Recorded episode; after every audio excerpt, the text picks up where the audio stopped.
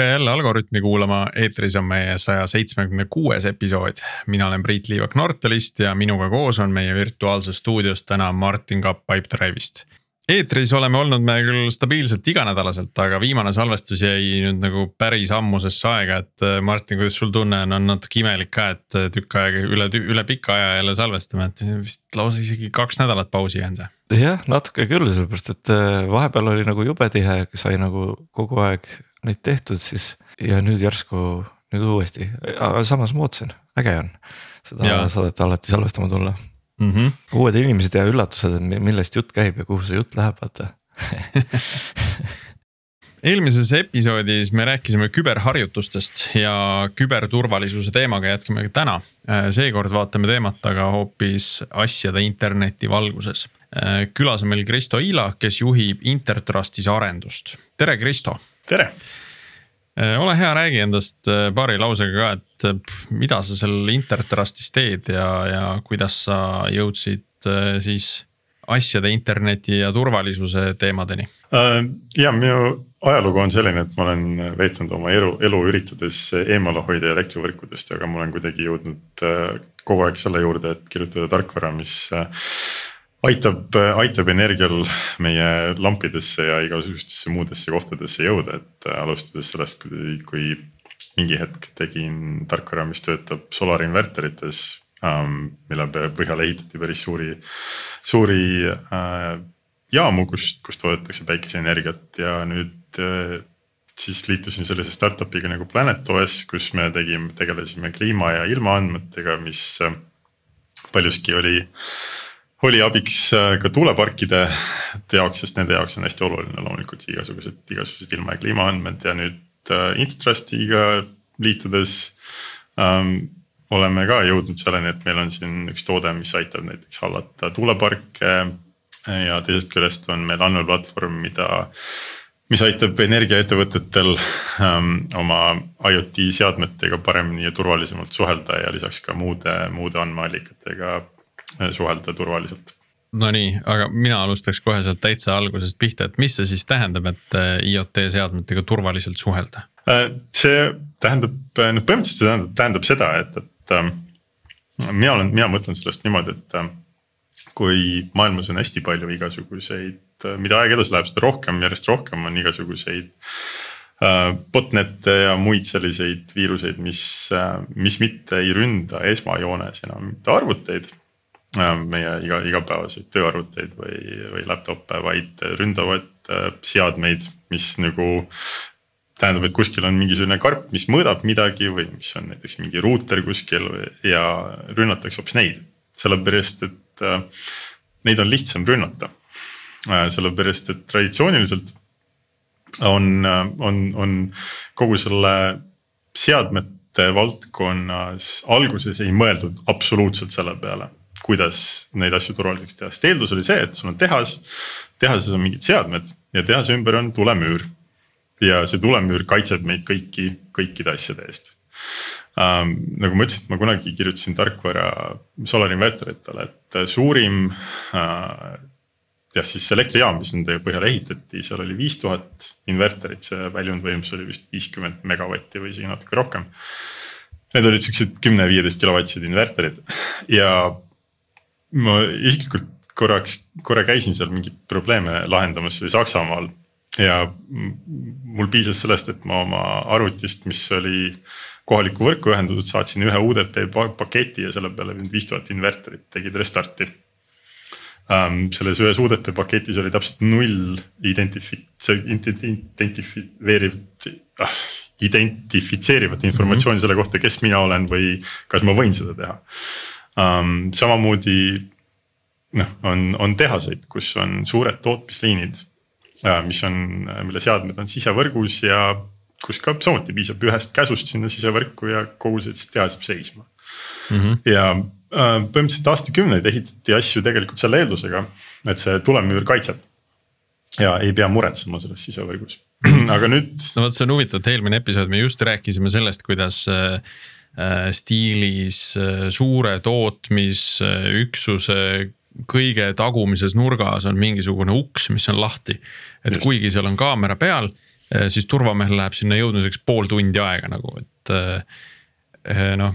et siis, kui see uks on lahti, keegi tuleb sealt sisse ja, ja saab sinna sisevõrku, leiab selle võrgupordi üles, et siis ta võib tegelikult väga kiiresti väga palju pahandust teha üsna lihtsasti just ja sellel asjal isegi on, on, on nimi, see on Purdue Reference Architecture on, on kunagi selline asi, mis äh, kunagi kaheksakümnendatel, üheksakümnendatel kokku pandi. ja kus on siis jah defineeritud see, et sul on seadmed, seadmete ümber on siis sisevõrk, seal on sul see DMZ siis on välisvõrk ja, ja äh, kuidas, kuidas nagu sellel tasemel asju kontrollida, aga reaalsus on see, et see lihtsalt ei toimi. just see, see ukse näide on väga hea näide muidugi jah. ja sellest järjest rohkem näiteid äh, reaalsest maailmast, kuidas selle kaudu, ukse kaudu sisse kõnnitakse, on, on järjest rohkem ja rohkem. no ja mis nende inverteritega sai siis, on nad endiselt äh, sellised ebaturvalised või sai midagi tehtud ka sellega äh,? ma tegelesin nendega viimati, millal see on, kaksteist aastat tagasi, et ähm, ma loodan, et vahepeal on midagi oluliselt paremaks läinud jah aga see tundub kõik selline teema, mis on hästi palju selle seadme arendaja nagu noh, kontrolli all või vastutus või, eks. et äh, kuidas sina täna nagu turul seda olukorda näed, et kui, kui halb või hea see situatsioon on, et noh, et kas see on selline äh, viiskümmend, viiskümmend, et äh, pooled seadmed on nagu enam-vähem ja pooled on nagu nigelad või või, või siis on juba olukord parem või kehvem? Ta läheb kindlasti kiiresti paremaks aga siin on ka, on mitu, mitu sammu, mida saab teha, et esiteks, äh, esiteks on muidugi see, et, et sa saad äh, kasutada turvalist ühendust, mis ütleme näiteks pilve ja seadme vahel niukest otseühendust, noh. kui me kõik kasutame veebisaite, mis on, kus brauser näitab meile, et see on sertifikaat ja HTTPS ja muud sellised eks ole, see on äh, ühendus punktist punkti mis eeldab seda, et mõlemal poolel on siis turvalised sertifikaadid ja kõik sellised, sellised muud infod olemas. et selliseid asju tehakse ju juba ikkagi suhteliselt palju. Et on seadmed, mis, äh, kuhu sisse pannakse sertifikaat ja no Intertrust tegelikult tegeleb ka sellega, et me. me geneerime päevas vist umbes miljonile erinevale seadmele salajasi võtmeid, ütleme siis niimoodi Äh, et see on enamasti küll seal meedia poole peal, aga, aga see järjest rohkem ja rohkem läheb, liigub sinna IoT poole peale ka. et selliseid, selliseid äh, seadmeid on juba päris palju, et see selles mõttes, läheb paremaks. Ähm, nüüd see, aga see järgmine samm, mis tegelikult on see, mis on, mida me nüüdseks juba ka pakume. on see, et, et hästi paljudel seadmetel on, nad on suhteliselt lihtsad ja neil endal ei ole nagu otse ligipääsu internetti, et hästi tihti on selline olukord, kus sul on seade, seadme küljes on gateway ja see gateway räägib internetiga, eks ole. ja nüüd siin küsimus ongi selles, et, et siin tekivad küll väiksed sisevõrgud, aga sellegipoolest siuksed sisevõrgud, kus see gateway ja siis selle seadme vaheline ühendus siiski ei ole enamasti turvaline ja see võib-olla toimub sinu kodus um,. noh ütleme, et seal tehastes ka, aga võib-olla siis väiksemate gruppide kaupa, et see on kindlasti parem juba.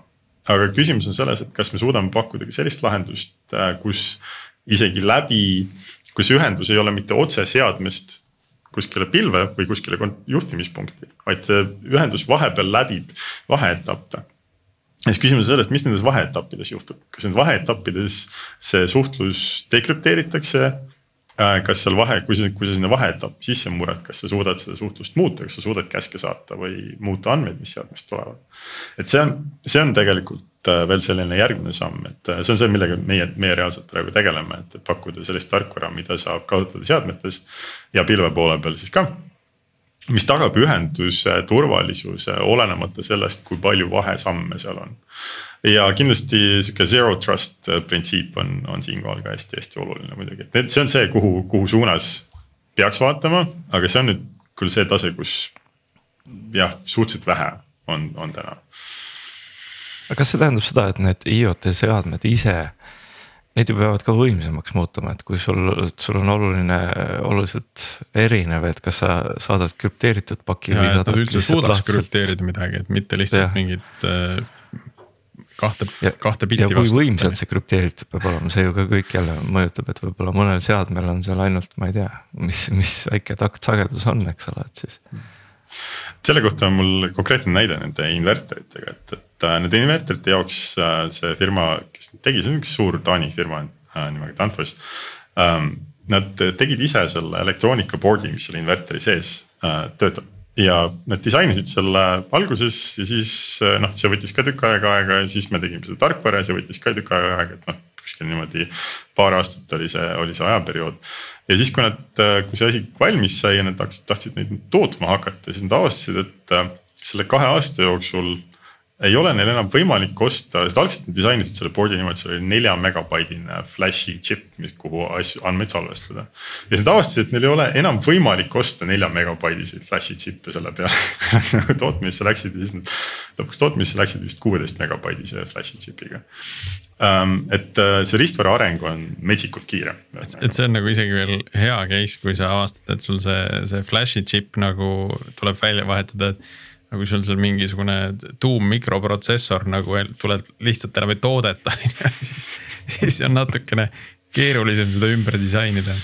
jah äh,, aga et ühesõnaga kindlasti on endiselt seadmeid, mis on ülitillukesed ja millel on väga-väga madalad äh, ütleme siuksed voolu, voolu noh nõudmised ja muud sellised asjad, aga et ähm,. ütleme, et selles valdkonnas, kuhu meie suuname, mis on siis endiselt need elektrivõrgud, eks ole, on ju. et seal on vähemalt see, et kui sa elektrivõrkudega tegeled, siis äh, enamasti on elekter omast käest võtta ja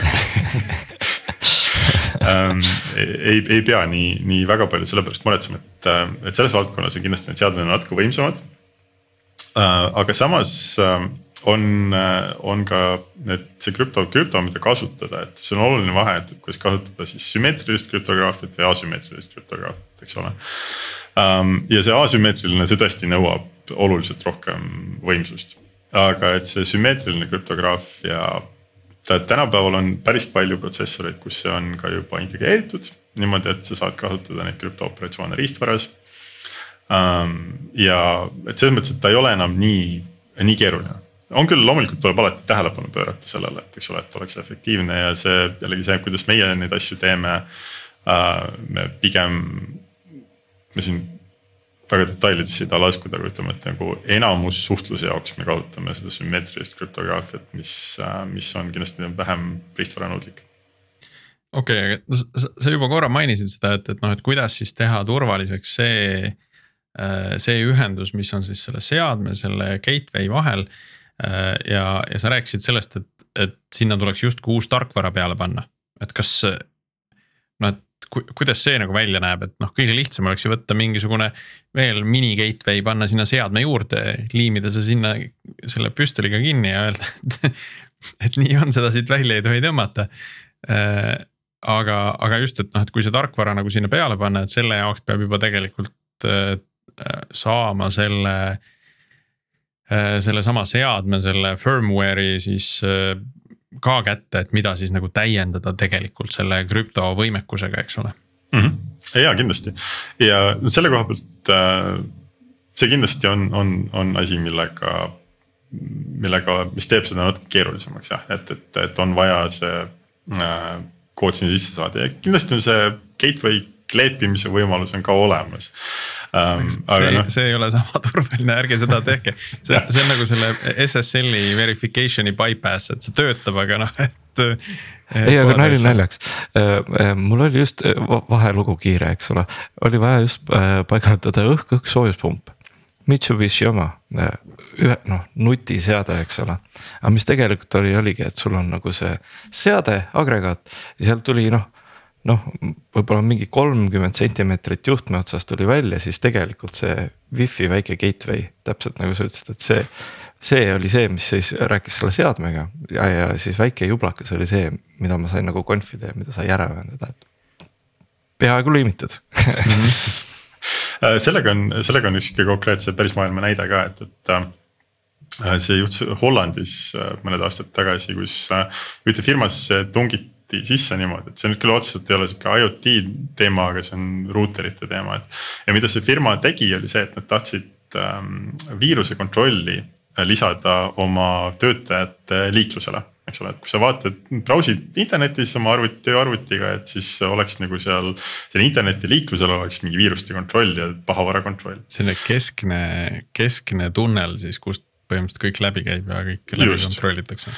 just ja siis nad otsustasid teha seda, et, et nad võtavad oma ühe selle ruuteri või gateway ja panevad sinna sisse selle ja sealt dekrüpteerivad kogu liikluse, lasevad selle turvakontrollist läbi. ja siis ähm, uuesti rekrüpteerivad, krüpteerivad uuesti ja siis inimene näeb, et ühendus on endiselt turvaline, kõik on korras. no ja siis loomulikult häkiti sisse sinna gateway'sse ja pärast seda oli kõik liiklus näha, kõik liiklus, liiklus muudetav, eks ole, et, et sellised. Äh, see sihuke gateway teema on äh, noh, väga sihuke hea, hea nagu sihtmärk mm. -hmm. no ma kujutan ette, et kui, kui Martinil oli see gateway seal kolmkümmend sentimeetrit sellest seadmest eemal, et noh, et kui sa. kui sa juba sinna nii-öelda füüsiliselt ligi saad, et siis saad seadmele ligi, aga, aga ilmselt on ohtlikum olukord, kus need juhtmed lähevad nagu pikemaks, et mul on. ma ei tea, serveri park ja mul on gateway on ühes nurgas, sellel on see võrgu, võrguühenduse võimalus olemas, on ju. ja, ja siis juhtmetega läheb nagu üle kogu selle serveri pargi nagu mingisugune jahutussüsteem on ju, et.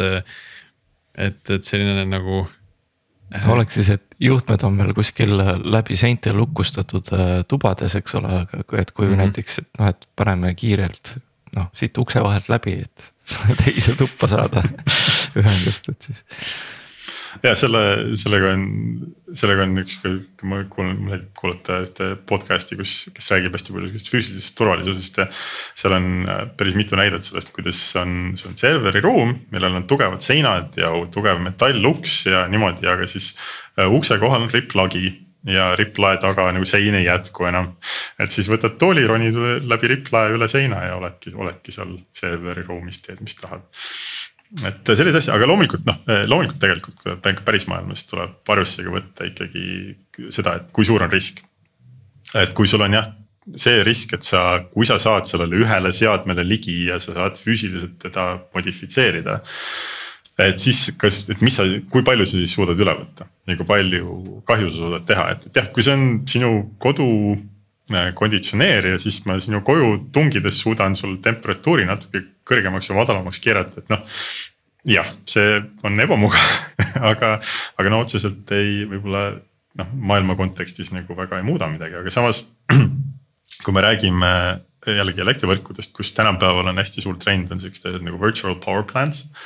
Äh, mis on siis äh, juhtimine, mis, ühesõnaga mõte on selles, et sul on tootmine varieerub aga tarbimine on stabiilne. Ja siis eh, see mõte selle virtual power plant'is hästi palju seda, et, et juhime tarbimist ka ja maailmas on tekkinud päris suuri selliseid implementatsioone, kus on näiteks miljon äh, konditsioneeri on sinna ühendatud, mida saab siis keskselt juhtida, sisse-välja lülitada, eks ole.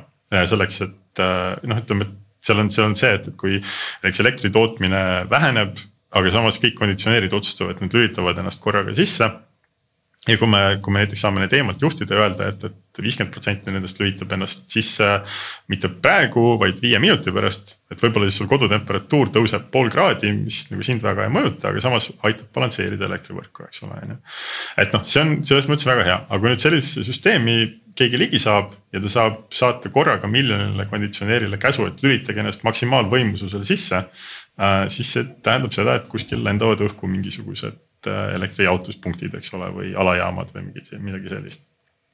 et äh, see on, see on nagu see sihuke suurem risk, mida, millega juba kindlasti tuleks tegeleda, eks ole. ja kui me räägime siin ka näiteks elektri tootmisjaamadest, noh, mis võivad ka olla, eks ole, mingisugused tuumaelektrijaamad ja muud sellised kohad, eks ole. Äh, et seal on küll ka see füüsiline turvalisuse aspekt loomulikult garanteeritud väga-väga tugevalt, aga, aga et et äh, mida rohkem see asi läheb eemalt juhitavaks, mida rohkem selliseid ressursse agregeeritakse kokku, et, et seda kriitilisemaks muutub see, et sa ei saa suurel skaalal. ei saaks neid ründeid teha, eks ole aga kuidas, kui me räägime elektrist ja, ja just nagu kaugjuhtimisest nende, nende tootjate puhul. meil on ju nüüd väiketootjad, kes äh, kodudes äh, lasevad seda elektrit tagasi võrkudesse. kuidas, kas kas ne, nemad on ka, võivad olla kuidagi nagu mingi ründe, teatud sorti ründevektori ähm, sihtmärgid siis või, või kuidas see kõik nagu seotud on näiteks, et mm? -hmm. no põhimõtteliselt see, see on äh, Saksamaal äh, konkreetselt näiteks praegu toimub, toimub selline asi, et mul oli just võimalus külastada hiljuti Saksamaal ühte äh, päris suure sellise energiatootja juhtimis, juhtimisruumi, seal sihuke naljak, naljakas hetk, mis otseselt selle vastan küsimusele ka kohe, aga see räägin kõrvaljutu ka et seal äh, oli üks, oli üks operaator, kes, kelle käest, kellega me rääkisime ja siis küsisime mingeid küsimusi ta kohta, et, et noh, mis juhtub, kui siin kuskil mingi viga on, näiteks, kuskil, kuskil mingi trafo läheb katki.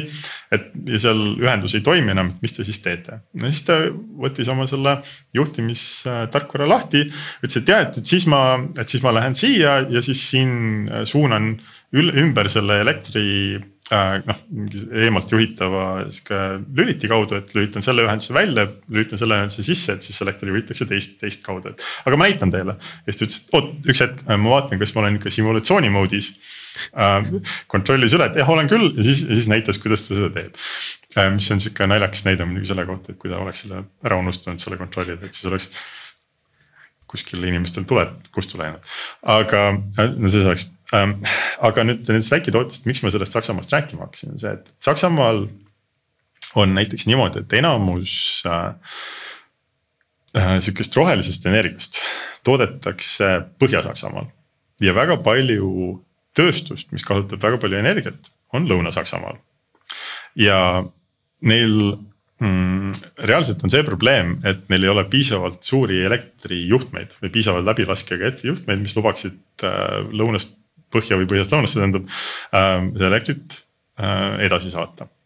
ja selleks nad, äh, mida nad siis teevad, ongi see, et, et nad seal lõuna pool ähm, väga soodustavad selliseid väiketootjaid kes äh, nii-öelda community solar näiteks on üks, üks, üks sõna, mis, mis on hästi sihuke populaarne.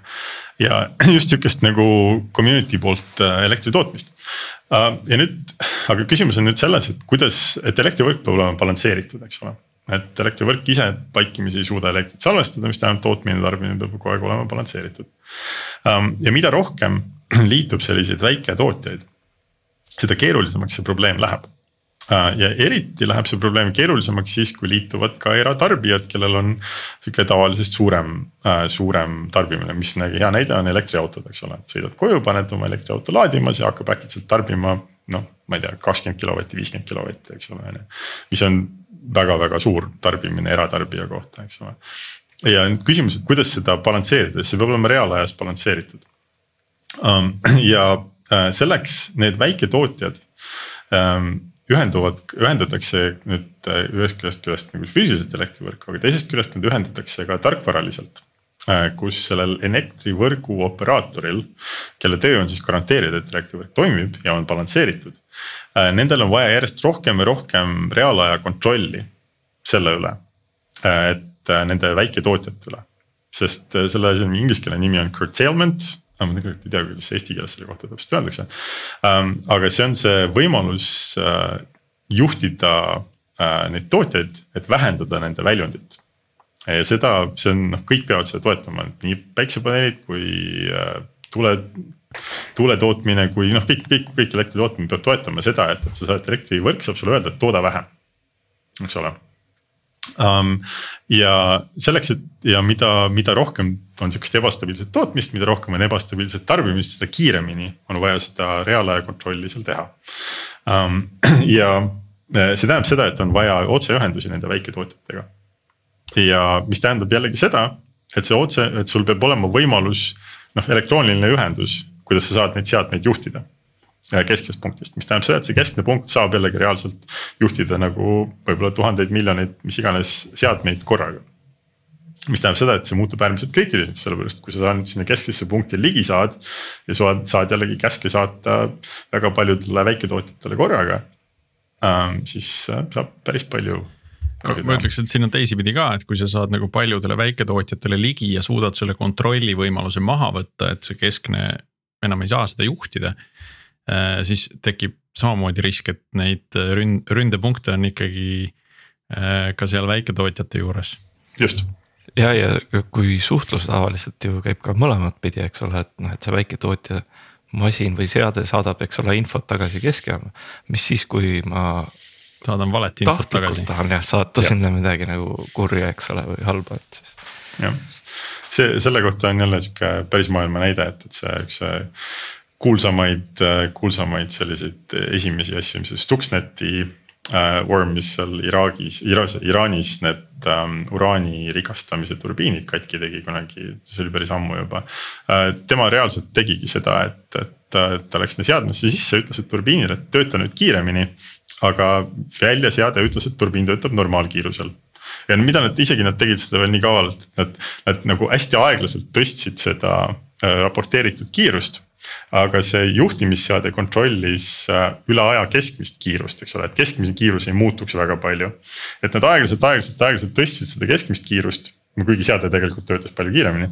Ähm, ja nii, et keskne monitooringu süsteem ei saanud mitte millestki aru ähm, kuna, kuna nad said vahepeal seda muuta, seda raporteeritud numbrit, nii et jah, selliste asjadega on päris, päris kahju teha. Nonii, päris hirmsad jutud siin ähm, Eh, ma korraks hüppaks võib-olla selle püsivara juurde tagasi, et, et, et noh, et selle, selle nagu muutmine ja sinna selle turvalisuse lisamine, et äh,.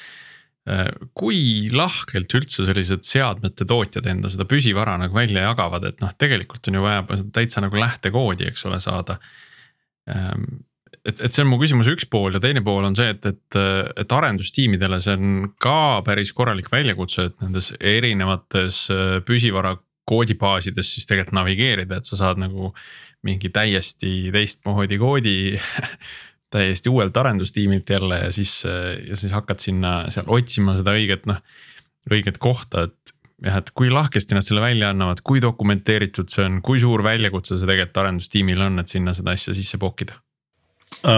See kindlasti on väljakutse, et, et siin äh, selliseid um, huvitavaid um, nüansse kui nüüd nagu viisakalt öelda, on, on, on iga, iga nurga peal ähm,. aga jah, see, see, et äh, ja see kindlasti oleks tore, kui ma saaksin öelda, et, et kõik tootjad hea meelega tulevad kaasa sellega ja hea meelega integreerivad neid asju, et siis see kindlasti on keeruline. aga siin küsimus on lihtsalt selles, et äh, kui, kui nad saavad aru sellest, et see on nende jaoks kasulik. eks ole, kui see tootja saab aru, et Äh, tema toode muutub sellest paremaks, muutub sellest konkurentsivõimelisemaks, eks ole, et siis loomulikult siis tullakse sellega kaasa, et, et äh, kui, et see küsimus on jah sellest, kuidas, nendele läheneda. et see on võimalik, me oleme, teeme seda siin igapäevaselt ja äh,. ja siin on mõningaid selliseid, meil on head partnerid, kes äh,, meil on päris suured võiks siis öelda, et maailma suurimad energiaettevõtted, kes on meil partnerid. Äh, kelle kaudu, kes läheneda on ka hea, et kui ikkagi sinu ülisuur klient ütleb, et, et ma tahaksin, et sinu toot-, seadmed toetaksid sellist asja, siis see kindlasti ait-, aitab väga palju kaasa. Äh, siin jah, niimoodi üksinda, üksinda seda muuta ei, ei ole kindlasti võimalik, aga kuna meil Intertrustil on väga hea selline partnerite võrgustik, äh, et siis Äh, see on, on võimalik mm. -hmm. ja me läheneme sellele ka tõesti väga, väga globaalselt, väga suurte, suurte ettevõtetega.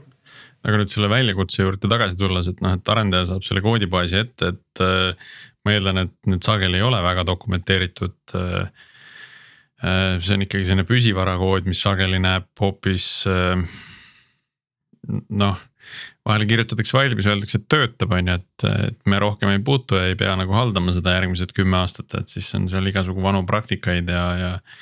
ja huvitavaid nüansse sees, et noh, kuidas, kuidas see arendustiim sellele läheneb üldse, et kuidas nad selle ette võtavad, ma ei tea, millised abivahendid on, et noh, eeldatavasti on mingit, mingit testimist vaja sellele asjale teha võib-olla ka mingit automaattestimist, mis tõenäoliselt selle tootja poolt kaasa ei tule, on ju, et äh, kas teil on endal mingid vahendid selleks arendatud või, või äh, loodud, mis aitaks nagu arendustiimi selles kõiges efektiivsemalt navigeerida mm? -hmm. no mida me tegelikult enamus juhtudel teeme, on see, et, et me, me ise ei küsi siis seda, selle, nende koodi endale, vaid me pigem anname neile enda kirjutatud koodi Äh, mis on nii-öelda noh, SDK või mingi arendus. ma ei tea, kuidas eesti keeles, eesti keeles täpselt on, aga põhimõtteliselt me anname neile enda koodi, mida nemad saavad ise integreerida oma seadme äh, tarkvara sisse. ja mis siis annab äh, lisab selle tarkvara võimaluse siis kasutades meie seda XPN protokolli äh, turvalist suhtlust äh, kasutada ja siis äh, ka võimaldab neil sertifikaatidega paremini hallat-, majandada, võimaldab neil äh, turvaliselt salvestada neid ütleme salajasi võtmeid ja muid selliseid asju seadmete sisse. aga et, et me ei, me ei küsi nende käest seda koodi endale, vaid me pigem anname enda koodi neile ja nad saavad ise selle sinna sisse integreerida, sest ja tõesti, et kui me ise hakkaksime neid kõikidesse seadmetesse integreerima, see oleks sisuliselt võimatu ülesanne. nii tehniliselt kui ka legaalselt tegelikult sellepärast, et kui me ütleksime Siemensile, et anna meile oma seadmete lähtekood, siis noh, olenemata sellest, kes, kes seda küsib, nad ei, nad ei oleks sellega kunagi nõus mm. -hmm aga kas nad ise nagu seal mingit turvariski ei näe, et, et see annab ju noh, nagu sa enne mainisid, võimaluse eh, teil mingeid privaatvõtmeid seal uuendada, mingit infot ikkagi sinna saata ja salvestada. Eh, see loob nende jaoks nii-öelda järgmise potentsiaalse ründevektori võib-olla, et mingisugused uued eh, otspunktid tekivad. teoorias jah, loomulikult, kui iga, iga, iga lisatud koodirida on potentsiaalne turvavekt-, noh tähendab ründevektor, nii et ega selle, selle vastu ma vaielda muidugi ei saa. aga mida me teeme, see on sihuke. See on sihuke asi, mis meie jaoks ka alguses me arvasime, et see saab natuke teistmoodi olema, aga et me, aga et nüüd me oleme jõudnud sinna, et. kuna me töötamegi just selliste suurte äh, energiaettevõtetega, kelle jaoks, kes on väga paranoilised turvalisuse koha pealt, et siis. me tegelikult tihtipeale pakume sellist mittestandardset SaaS teenust, mis tähendab seda, et, et me anname sellele ettevõttele tema enda ähm, nii-öelda et selle tarkvara anname nagu neile kasutamiseks nende enda pilvekonto peal. et meil ei ole üks sihuke keskne SaaS teenus, vaid meil on tegelikult haldame paljudele ettevõtete jaoks nagu eraldi neid SaaS teenuseid, mis tähendab, see on täielikult nende kontrolli all sisuliselt. Ähm, ja samamoodi selle riistvara tootja puhul ka, et, et tegelikult, et meie anname nendele koodi Äh, mis implementeerib meie funktsioone, nad saavad seda, noh, see on lähtekood, nad saavad seda ise üle vaadata, teha seal kõik turvaanalüüsid täpselt nii palju, kui nad tahavad. ja kui nad on pannud selle sinna enda seadme sisse.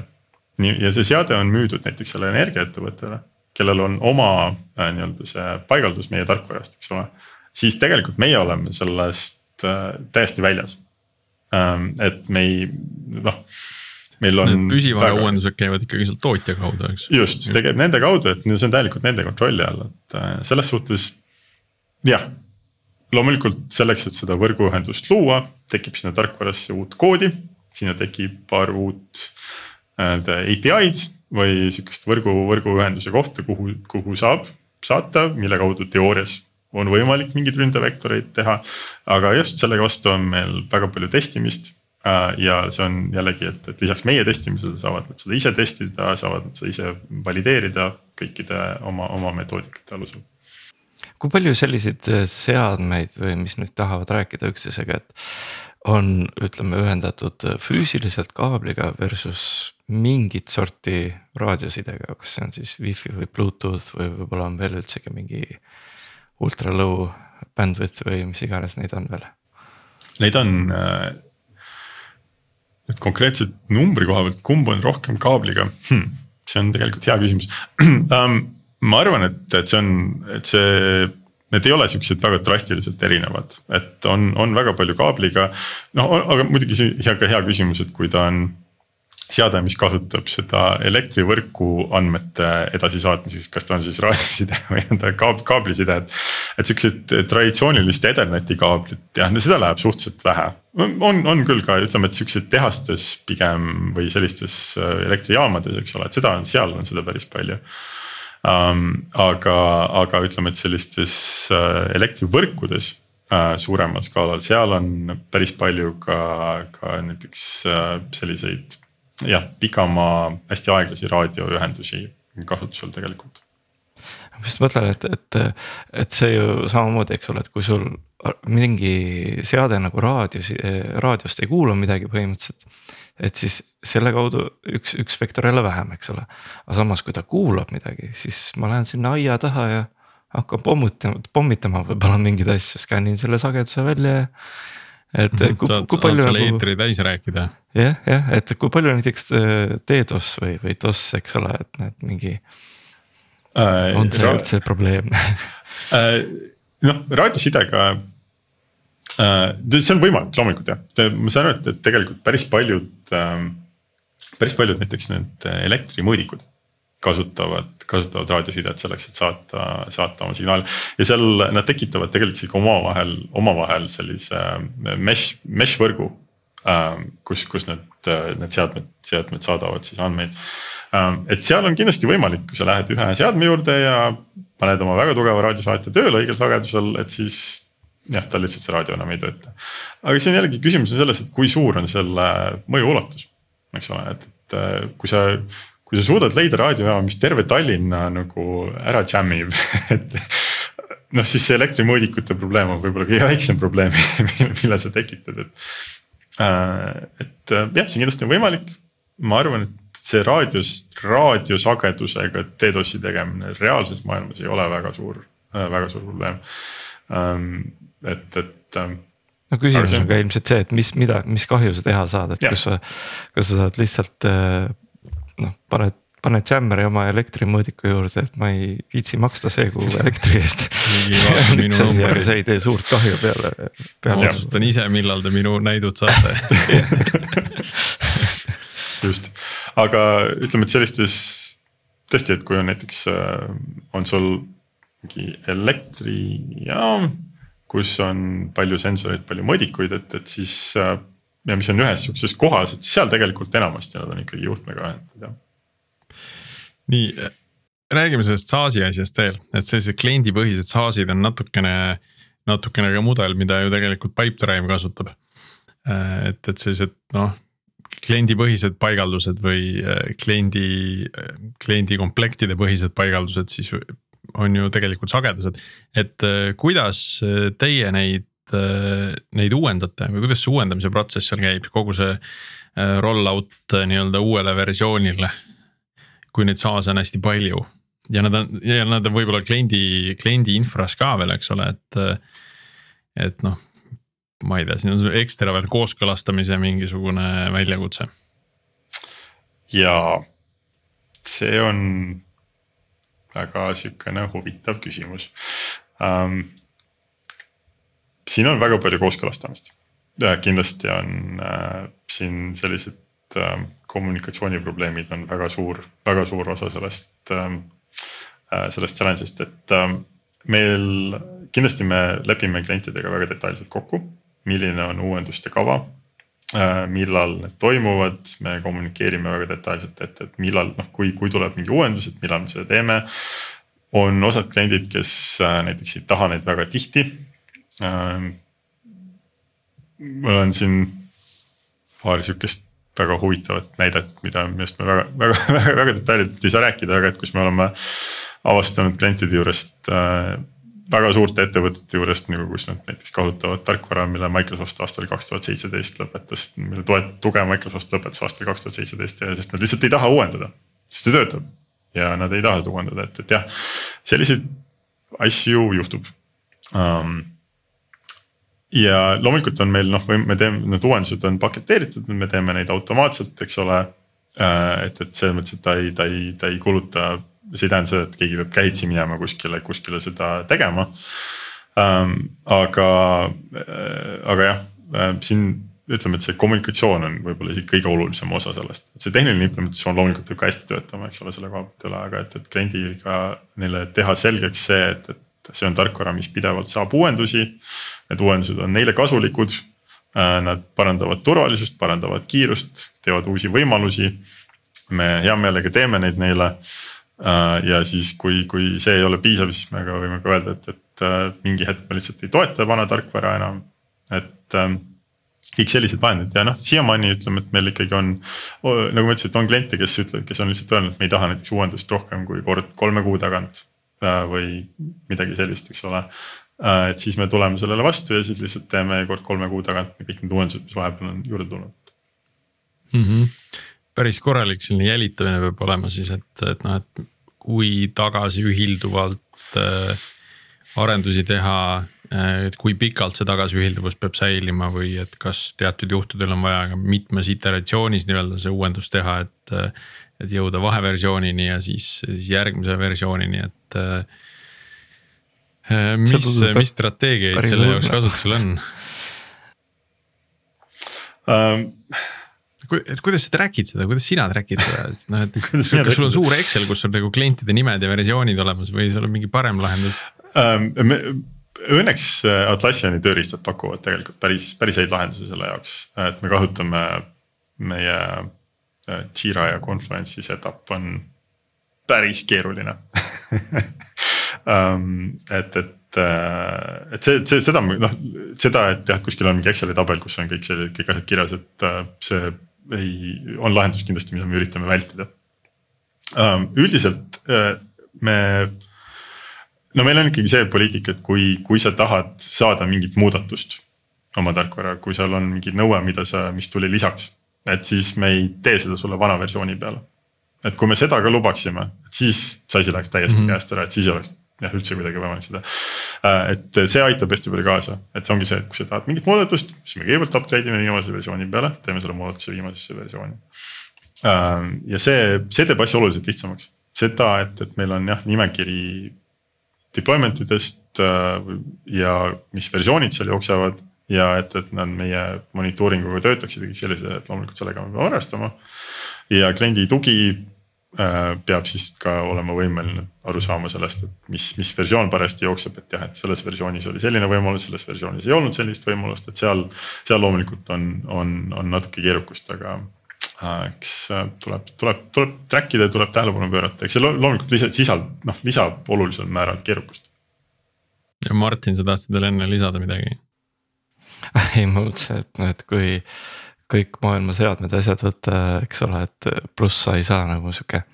Update'i teha lihtsalt niimoodi, et sa oma arvutist paned, et noh, nagu update et siis see majandus võib olla päris hull, et noh, et see pole võrreldavgi sellega, kui me kasutame mingit brauserist listi pluginat kuskil veebis, et millised brauserid me toetame, et mm. -hmm ja sellega on mul ka üks oli sihuke päris maailma näide sellest Solar Inverterite ajast, kus äh, äh, üks, üks aasta tuli, nad olid äh, juba müügis, neid müüdi, neid paigaldati, neid oli vist üle maailma paigaldatud kuskil sada tuhat tükki. ja siis järgmine aasta saabus kahekümne üheksas veebruar, siis ma sain telefonikõne, et kliendi käest, kes ütles, et kuulge, et ma ei tea, mõni ajata näitab, et esimene märts on, et midagi valesti um,. ja siis um, see lõppes sellega, et, et um, inimesed, tehnikud sõitsid kõik need läbi, panid sinna USB pulga sisse. tegid tarkvara uuenduse.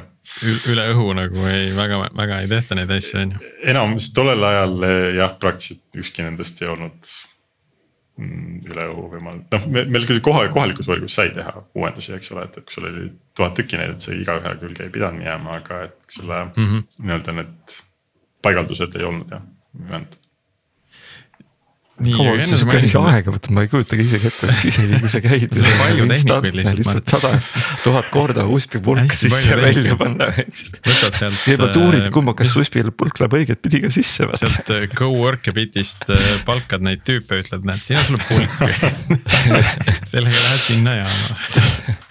jah, see on jah ähm, sihuke huvitav probleem, äh, õnneks jah, mina, mina isiklikult ei pidanud tollel ajal sellega tegelema, et siin, siin Intertrustis meil ei ole sellist, sellist asja veel juhtunud, nii et loodame, et ei juhtu ka. Äh, sa mainisid seda klientide soove mingite muudatuste jaoks, et, et kindlasti tuleb ka neid soove, mis on hästi kliendi spetsiifilised. Äh, kuidas, kuidas nende asjade haldus käib, et kas on, kas on tarkvarasse mingi laiendatavuse nii-öelda pluginate, extension ite võimekus sisse ehitatud, et millega selliseid modifikatsioone on võimalik peale panna või. või on seal, ma ei tea, erinevad versioonid, erinevad harud mingitest äh, äh muudatustest mm. -hmm. sellega meil on see struktureeritud niimoodi, et meil on see andmeplatvormi osa, mis on äärmiselt abstraktne. Äh, ja mis, äh, kuhu me kliendi spetsiifilisi muudatusi ei tee põhimõtteliselt, eks ole. kui klient soovib midagi, mis äh, sobib ka teistele klientidele, mis on sihuke üldine, üldine lisavõimekus, loomulikult siis seda, sellega noh, me teeme seda vastavalt, vastavalt ajale ja võimalustele. aga kui on kliendi spetsiifiline mingisugune vajadus või, või nõue, siis selle jaoks me teeme eraldi mikroteenuse, mis kasutab meie need abstraktseid platvormi teenuseid ja siis lisab selle võimekuse äh, eraldi, eraldi koodibaasis, et äh, see on, see on see, kuidas me seda teeme aga milline see tiim seal taga on, kes siis äh, tegelikult hindab seda, et noh, et kas see muudatus nüüd võiks olla üldkasutatav, tulevad kõik tooteomanikud kokku ja mõtlevad selle peale, no vahel on muidugi hästi ilmne, et see on kliendi spetsiifiline, aga. aga teisalt vahel võib see hästi kliendi spetsiifilist asja nagu keerata viis kraadi vasakule ja juba on nagu hea üldkasutatav featuur on ju, et et kuidas see protsess käib, et kogu see, kogu see hindamise asi ja, ja see nende teemade ülevaatus, et millised need tiimid seal taga on mm? -hmm. Um ja meil kindlasti, kindlasti käib see läbi tootejuhtimise ühest küljest, aga samas, kuna meil on see toode on selline, see andmeplatvormi toode on äärmiselt tehniline, et, et. siis seal on tegelikult ka arendustiim väga palju kaasatud sellesse ja äh, ütleme, et just, et võib-olla iga, iga arendaja käest, iga arendaja ei ole, ei ole küll nüüd ei osale nagu sellel arvutusel, aga kindlasti arhitektid või vastava komponendi tiimiliidid on, on kaasatud sellesse diskussiooni. et äh, me saaksime aru sellest, et mis, kui tuleb kliendi poolt mingisugune soov, et äh, mis on selle soovi mõjud äh,. kui palju ta teeb, lisab keerukust ähm,. kas tal on mingisuguseid ootamatuid, ootamatult keeruliseks tegevaid äh, lisa kõrvalnähte, eks ole kas ta lisab mingisuguseid riske, turvariske. Äh, kas ta lisab, kas ta viib meid selles suunas, et me jääme kuskile, läheme suunda, kuhu me tegelikult ise ei taha minna. et noh, selliseid küsimusi on tegelikult hästi palju, mille peale, mille peale on vaja mõelda. ja siin ei, ei saa öelda lihtsalt, et jah, tootejuht otsustab, et, et see oleks liiga, liiga sihuke, et, et kindlasti siin on vaja hästi palju koostööd äh, nii arendajate kui tootejuhtide kui, kui projektijuhtide vahel, et aru saada sellest, et kas, kuidas, millal ja tõesti, see on tihtipeale on see, et, et kui, et klient äh, näeb asja väga-väga piiratult et ta ütleb, mina tahan, et oleks see, siin oleks see nupp, eks ole. et mida klient tahab või mida tal vaja on. jah, täpselt, et see, et aru saada, mida tal tegelikult vaja on, on tihtipeale vajab natuke mõtlemist ja. Aga enamasti tegelikult, kui jõuab see ka kohta, kus klient saab ise ka aru, et jah, et kui te pakute siukse laiema, natuke laiema võimaluse, et see tegelikult on isegi ka minule parem, et ma saan seda edaspidi muudeks asjadeks ka nii ähm,. Martin, tahad sa veel midagi küsida? vot raske on isegi midagi nii spetsiifilist võib-olla küsida praegu, et siin on sihuke see on jah, et aga ütleme, et jah, et ma ei teagi ma mõtlen kogu aeg, see on nagu tundub, et äh, sihuke suuremal skaalal, eks ole, see probleem, millega te, see turvalisuse probleem, millega lahenete, äh, noh, mida te lahendate praegu. aga teisalt, eks ole, hästi palju IoT seadmeid ikkagi on nagu kodudes ka, eks ole, et näed. et kui palju nagu teie tööst jõuab ka lõpuks, ütleme. ja kuskile standarditesse või. jah, standarditesse keegi võtab üle mingi analoogse lähenemise, noh, mitte võib-olla teie platvormi, eks ole, aga, aga midagi analoogset. see on ma, ma hea meelega tuleks kahe kuu pärast siia saatesse tagasi ja vastaks siis. ai, ai, ai, ai, küpsemas aga Väga ma küsin siis siia lõppu ühe, ühe päris konkreetse küsimuse, mis, mille kohta sa ütled, et kindlasti, et võib terve episoodi teha, et. et kuidas, kuidas käib üks selline tavapärane äh, seadme identiteedi verifitseerimise protsess. ja no, hakkame kuskilt pihta, et, et noh, miks ma seda küsin et me ei saa nagu usaldada tavaliselt seda, mis, mis seadmel on, et me täna juba teame, et võrguseadmetel MAC aadress ei ole nagu noh, see, see püsiv identifikaator, eks, et. et see on nagu sotsiaalkindlustusnumber seal USA-s, et noh, igaüks võib tulla ja öelda, et, et näed, mul on see number, et ma olen see tüüp et noh, et see protsess peab käima teistmoodi ja, ja., ja võib-olla siis äh, siia lõppu on hea nagu veidi avada, et äh, kuidas, kuidas see päringute ahel seal, seal toimib selleks, et me saame usaldada seda seadet ja, ja olla kindlad, et see on nüüd täpselt see, see seade, kellega me suhelda tahtsime. jah, sellest kindlasti tõesti võiks, võiks päris pikalt rääkida, aga me kokku, kokku võtaks selle niimoodi, et põhimõtteliselt me kasutame PKI-d ehk siis public key infrastructure äh, täna selle jaoks äh,. meil on küll plaan äh, hakata kasutada, kasutama tegelikult ühte järgmise generatsiooni tehnoloogiat, mis on ka Intrusti poolt, äh, poolt äh, loodud äh,. mis äh, võimaldab neid asju teha natuke efektiivsemalt, sest äh, aga kui rääkides PKI-st, siis mis, mis juhtub, on see, et seade, kui ta toodetakse näiteks või, äh, või ka tegelikult see, see tihtipeale ka peale tootmist, äh, kui ta esimest korda käima pannakse. Äh, siis ta läheb ja küsib endale sertifikaadi. see sertifikaat, noh, meie pakume sellist teenust nagu IPKI, mis on internetipõhine selline sertifikaaditeenus mis ongi mõeldud just IoT seadmete jaoks me veebi, veebisaidi sertifikaate meie teenus tegelikult ei paku ähm,. aga siis põhimõtteliselt device teeb päringu äh, sinna PKI teenusesse äh,. igal device'il on nüüd äh, sees mingisugune tootmise ajal sisse pandud seeria seerianumber või mingisugune identifikaator. no midagi, mis on analoogne selle MAC aadressiga on ju. ja midagi sellist ja mis siis, ähm, mis siis salvestatakse ähm, ja sinna nüüd selle selle sertifikaadi väljaandmise teenusesse et pärast on võimalik aru saada, kes, mis, mis seade seda küsis. kuigi tegelikult on ka olukordi, kus seadmest, tootmisest tulevad need seadmed, millel on kõikide sama number sees arvates, seda on ka tegelikult juhtunud um,. aga põhimõtteliselt on jah see, et, et see, see seade saab selle esialgse sertifikaadi uh,. see sertifikaat nüüd salvestatakse sinna seadmesse sisse uh,. selle salvestamiseks on uh, noh ütleme, et tänapäeval uuemates seadmetes on tegelikult juba sellised asjad nagu mingid sihuke turvalisus, turvalised salvestamiskohad, noh näiteks telefonidel on siuksed äh, chip'id, mis, äh, kuhu saab ainult asju kirjutada, kust kunagi midagi välja lugeda ei saa. Äh, seadmetel on sellised asjad nagu TE, trusted execution environment, kus saab jooksutada koodi, mis, mis, millel ei ole väljastpoolt ligipääsu, selliseid võimalusi on, on, on juba on juba ka olemas. aga põhimõtteliselt sertifikaadi siis ähm, see sertifikaat salvestatakse sinna seadmesse.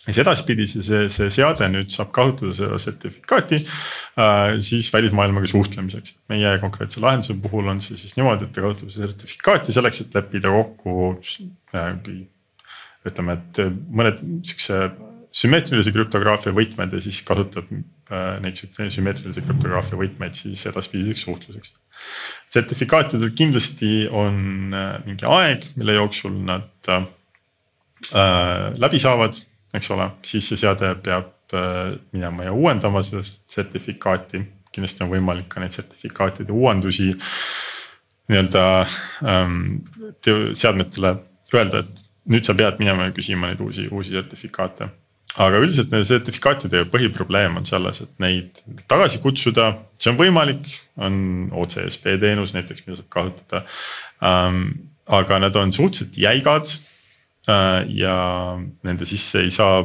väga palju sellist dünaamilist infot kirjutada, et, et äh, meil tegelikult on ka praegu väljatöötamisel üks, üks uus, uus äh, tehnoloogia, mis äh,, mis äh, võimaldab palju dünaamilisemalt sellist nii-öelda identiteeti äh, jagada ja neid identiteedile lisada, lisaks veel kommunikeerida ka äh, piiranguid äh, mingite noh, mingites, mingite kohtade pealt noh mis iganes sellele seadmele parajasti, parajasti vajalik on. et selline policy panna nagu Just. mingis mõttes kaasa.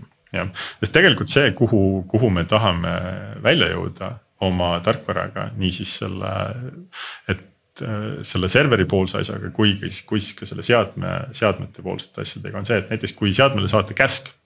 täna toetame käskude saatmist. Ähm, et siis see käsk äh, oleks ähm, autoriseeritud mitte ainult serveri poole peal, vaid see autoriseerimine tegelikult toimuks reaalselt selles seadmes endas. Äh, ja sellel seadmel oleks piisavalt infot, piisavalt piisavalt hea policy definitsioon selleks, et äh, see seade ise saaks lõplikult otsustada. et kas see käsk on tõesti midagi, millele ma pean reageerima et mitte lihtsalt see, see seade ei, ei tuvasta ära, et jah, see käsk tuli nagu usaldusväärsest allikast. Äh, vaid tal oleks mingi täiendav policy ka, et ma ei tea, et. et kümme õhksoojuspumpa on nagu ühe gateway taga ja kümme on teise taga ja siis äh, ainult need, ainult need gateway'd saavad neile infot saata, on ju, et nad suudavad nagu seda enda sees seda kontrolli ja juhtimist teha, on ju. just, see, see oleks tegelikult asi, kus, mis on eesmärk, et ühesõnaga sihuke täielik uh, zero trust võrk, kus kõik käsud uh, on autoriseeritud selles nii-öelda selles lõpp-punktis. mitte, mitte ainult noh, loomulikult serveri poole peal ka, eks ole, on ju. aga et, et niimoodi nagu täielik end-to-end asi, et. Äh, ja meil siin jah, praegu on, ütleme, et arendusel on, on asjad, mis, mis tegelikult sellele ka niimoodi lõpuni kokku viivad. no väga huvitav, äh, selle, sellel teemal siis äh, saame, saame siin suvel võib-olla uuesti rääkida siis hea meelega. teema, kus on palju potentsiaali, et näed, kui kõik need lisapäringud serveritesse ja permission ite süsteemidesse ja asjadesse, et kuidas seal.